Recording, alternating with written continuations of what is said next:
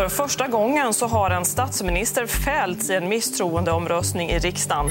Där Stefan Löfven alltså fälldes så har statsministern nu en vecka på sig att bestämma sig för nästa steg. Borde Stefan Löfven aldrig ha släppt in frågan om marknadshyror i januariavtalet?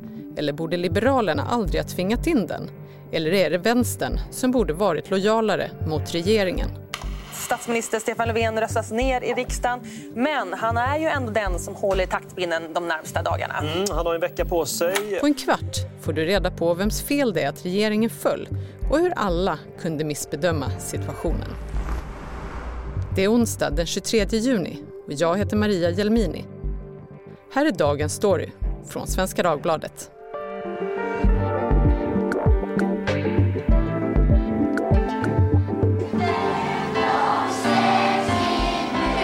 Maggie Strömberg, du är politikreporter här på SvD och du har bevakat politik i närmare 15 år.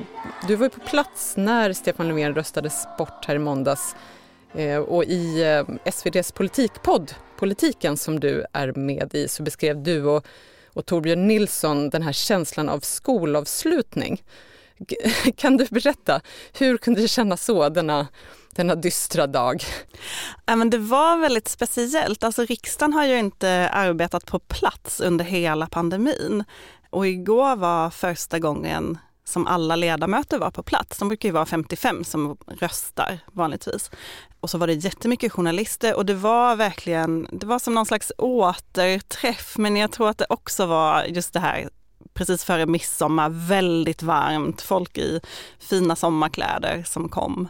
Det var högtidligt men dramatiskt. Du har ju pratat runt med väldigt eh, mycket folk i politiken nu. Hur, mm. hur många har du pratat med ungefär? Och jag vet inte, vi gjorde en stor artikel som gick i lördags eh, som handlade om just eh, varför det hade blivit så här och hur partierna hade tänkt. Och då vet jag att vi pratade med 40 personer, jag och Torbjörn Nilsson, på en dag. Så då gick telefonen varm och sen dess har jag ju pratat med jättemånga fler alla surrar om detta. Det kommer sms hela tiden och folk vill liksom berätta vad som är på gång. Och, och då vill man ju veta det här interna snacket. Liksom. Mm. Vad, vad säger man? Var alla förvånade över det som hände? Men jag tror faktiskt det. Flera politiker har beskrivit utvecklingen för mig som ett självspelande piano eller en snöboll som har satts i rullning som inte gick att stoppa Europa. Eh, jag vet att eh, för en vecka sedan hade ju Vänsterpartiets partistyrelse möte, alltså hel, inte den här helgen utan helgen innan dess, och bestämde sig för det här vägvalet. Och även när det läckte ut så trodde ju folk inte riktigt på det utan det var lite vargen kommer. Sen har det ju gått väldigt snabbt och det man kan säga är väl att det är ju inget parti som tycker att det känns jättekul med ett extraval i det här läget. Utom SD ehm, möjligen då? Ja, möjligen Sverigedemokraterna. Och det är klart att Ulf Kristersson har en chans att bli statsminister och det vill han ju bli. Men det finns ju mycket problem att tillträda som regering ett år för ett ordinarie val. För det konstiga med Sveriges valsystem, eller det som är Sveriges valsystem som skiljer sig från många andra länder är att vid ett extra val så ligger ändå mandatperioderna fast. Så att det kommer ändå bli ett val 2022, mm. oavsett hur det blir nu. Tack fru talman. Innan vi kommer in på debatten kring betänkandet så vill jag för Sverigedemokraterna i enlighet med 13 kapitlet fjärde paragrafen i regeringsformen yrka på att riksdagen ska förklara att statsminister Stefan Löfven inte åtnjuter riksdagens förtroende och lämnar härmed över namnunderskrifter. Ni konstaterade ju bland annat i politiken att eh, alla mer eller mindre missbedömde situationen eller tolkade den fel. Mm. Kan du förklara? Ja men vår bild är att Socialdemokraterna inte riktigt tog Vänsterpartiet på allvar och inte trodde att Vänsterpartiet skulle vilja driva frågan så här långt eftersom det också krävde då att de skulle göra gemensam sak med Sverigedemokraterna som är känsligast men också Moderaterna och Kristdemokraterna. För Vänsterpartiet kan ju inte väcka misstroende själva. Det är för liten partigrupp för att göra det enligt riksdagens regler. Dessutom så hade man enligt våra källor i Socialdemokraterna gjort bedömningen att Moderaterna och Kristdemokraterna kommer inte vara intresserade av det här. De vill inte hjälpa Vänsterpartiet med detta. De tycker att den här sakfrågan som detta handlar om, alltså fri hyressättning i nyproduktion, är bra. Så att från regeringen hör vi att man missbedömde läget. Sen så hör vi från Vänsterpartiet också att där trodde man ju kanske inte riktigt att det skulle gå så här långt. Man var, trodde ju att Stefan Löfven ganska enkelt skulle kunna bli återvald som statsminister och inte att Liberalerna skulle byta sida direkt. Eh, så det verkar vara en missbedömning som har gjorts. Eh, sen så trodde Kristdemokraterna och Moderaterna inte att Sverigedemokraterna skulle väcka misstroende så snabbt som de gjorde. Så det är ytterligare en missbedömning. Men sen så blir det så här att ibland Stefan Löfven sa på sin pressträff efter att han hade blivit bortröstad. Nu är det som det är. är, det som det är. Mm. Och så är det ibland i politik. Plötsligt är man där man är och då måste man agera utifrån det läget. Och för många är det ju politiskt omöjligt att göra något annat än vad de gör just nu, även om de kanske inte vill det. Men om man tittar internt då, liksom utifrån alla, alla samtal ni har haft, vilka är surast internt, höll jag på att säga? Är det, det är det sossarna som är surast på Stefan Löfven? Eller ja, men det är nog socialdemokrater faktiskt som tycker att eh, man har hanterat det här oskickligt. Stefan Löfven har ju eh, ett rykte, eller det finns en bild av Stefan Löfven att han är väldigt skicklig på att hantera kriser och ta sig ur dem. Han har ju gjort det väldigt många gånger under sin tid som statsminister. Och den här gången klarade man inte det. Eh, det finns en frustration över att man skickade ut Morgan Johansson som är ansvarig minister för det här förslaget. Man ska aldrig inleda en process som kan sluta i en regeringskris. För att då också... Eh, lugna Vänsterpartiet, vilket verkar bara har retat upp Nooshi Dadgostar ännu mer. Och vad jag har sett hur, om hur Vänsterpartiet uttalat sig hittills så har man ju ingen plan. Tittar man på Vänsterpartiet däremot så är det ju full eufori.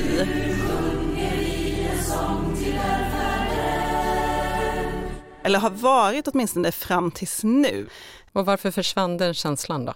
Jag vet inte om den har försvunnit. Man har varit väldigt stolt och nöjd och glad över Nooshi Dadgostar och hennes sätt att hantera det här. Men nu är man ju i ett läge där eh, efter att Liberalerna har bytt sida så, så ser ju framtiden mycket mer oviss ut. Nu finns en tydligare möjlighet för Ulf Kristersson att bli statsminister med stöd av SD eller det som jag tror är mest sannolikt att, att det blir ett extraval. Och jag tror inte att Vänsterpartiet riktigt hade tänkt att det skulle gå så långt.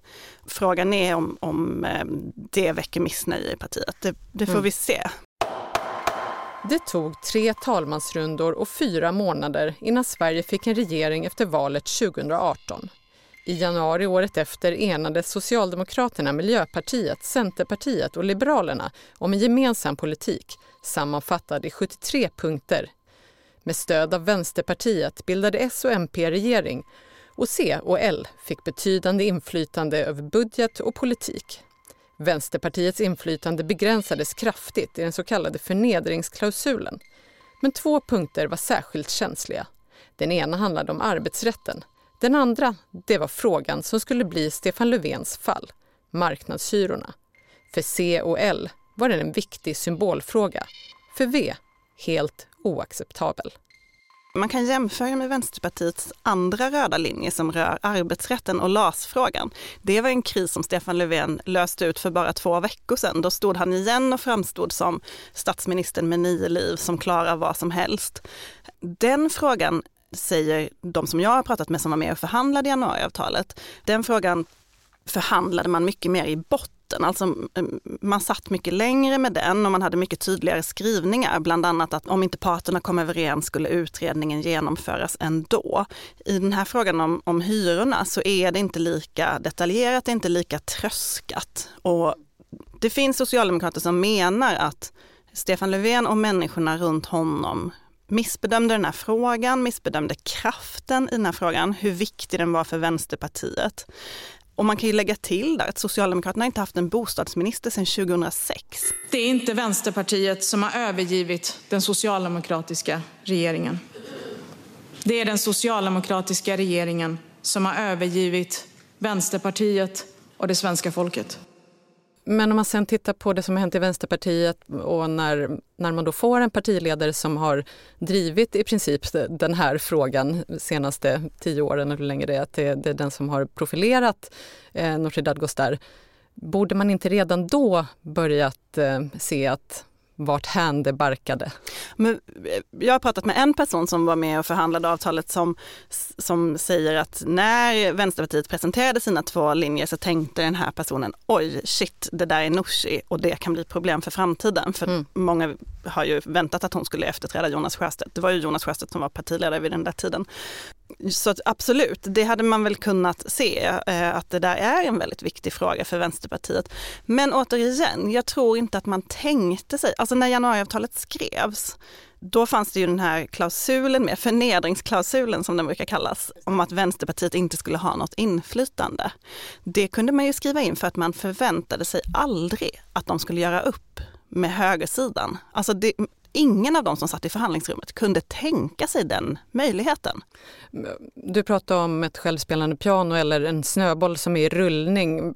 Vem kastade den första snöbollen? Var det då punkt 44 eller när började det själva? Ja men det där, svaret på den frågan är väl lite vem man sympatiserar med i det här egentligen. Och det är ju också det här politikerna kommer strida om, särskilt om det blir ett extraval kommer det ju handla väldigt mycket om vems fel är det att man är i den här situationen. Man kan ju säga att det är Vänsterpartiet som gick ut så hårt och sa att eh, nu är gränsen nådd, nu är förtroendet för Stefan Löfven borta. Man kan ju säga att det är januaripartierna som gjorde den här uppgörelsen utan att inkludera Vänsterpartiet, utan att säkra majoritet. Om man lyssnar på centerpartister och socialdemokrater just nu som är ute och pratar så, så säger de ju hela tiden att det var Liberalerna som ville ha in den här klausulen. Och det tror jag absolut stämmer. Det, det stämmer med vad man hörde vid den tidpunkten, att det var Jan Björklund som var partiledare då, som var otroligt mån om att det där skulle sättas på pränt. Vi vill sänka skatterna på arbete och företagande. Vi behöver ha en bostadspolitik som lämnar det här gamla socialistiska plantänkandet bakom sig. Men det är ju lite intressant att de nu lägger skulden på Liberalerna för det här, eh, trots det här samarbetet som Liberalerna nu har lämnat. Om man tittar på det som händer nu här då, eh, vad kan man säga, vem har mest makt över skeendet? Är det Annie Lööf som är drottningen just nu eller?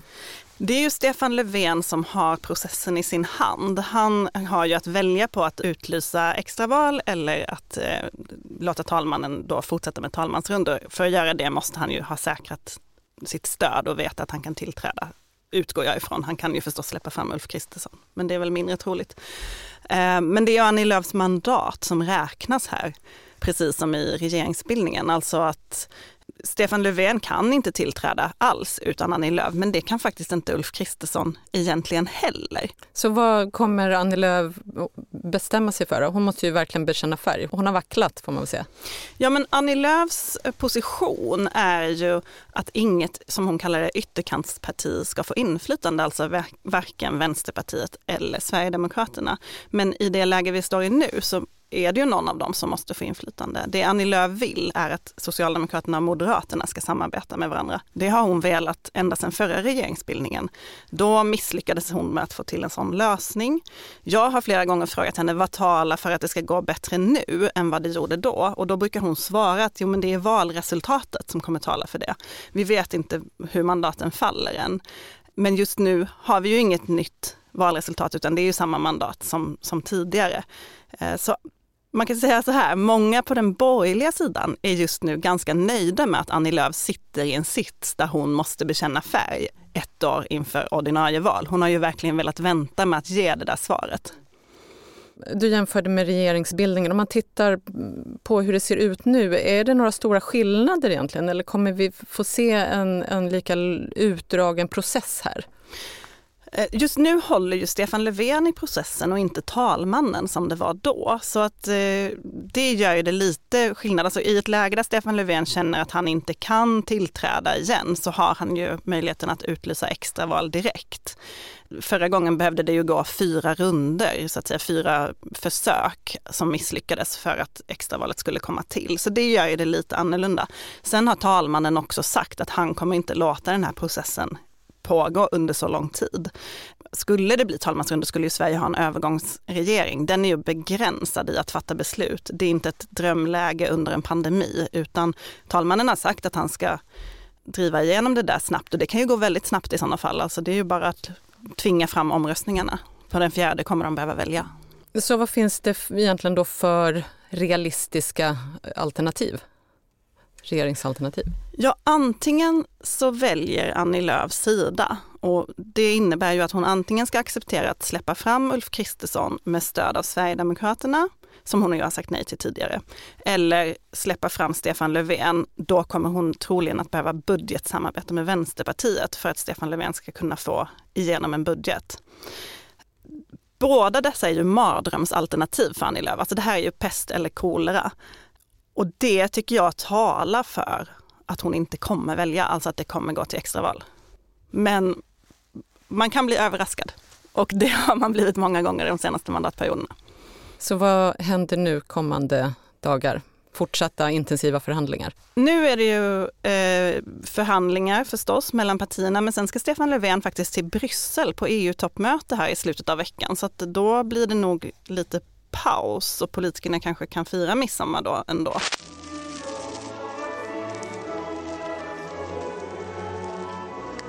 Han måste ge ett besked nästa vecka, i början av nästa vecka, så att vi får se. Tack Maggie Strömberg för att du var med i Dagens Story. Tack. Och Maggie, dig kan man som sagt höra i podden Politiken och dina artiklar finns förstås på svd.se. Och om du går in på svd.se prova så kan du testa SvD Digital Premium i en månad utan kostnad. Och när du har premium så kan du också dela prenumerationen med pappa eller syrran eller tonårssonen, hela fem familjemedlemmar. Och så får du förstås tillgång till allt på sajten och hela den digitala tidningen svd.se prova. Vi som gjorde programmet idag är producent Daniel Persson Mora och jag heter Maria Jelmini.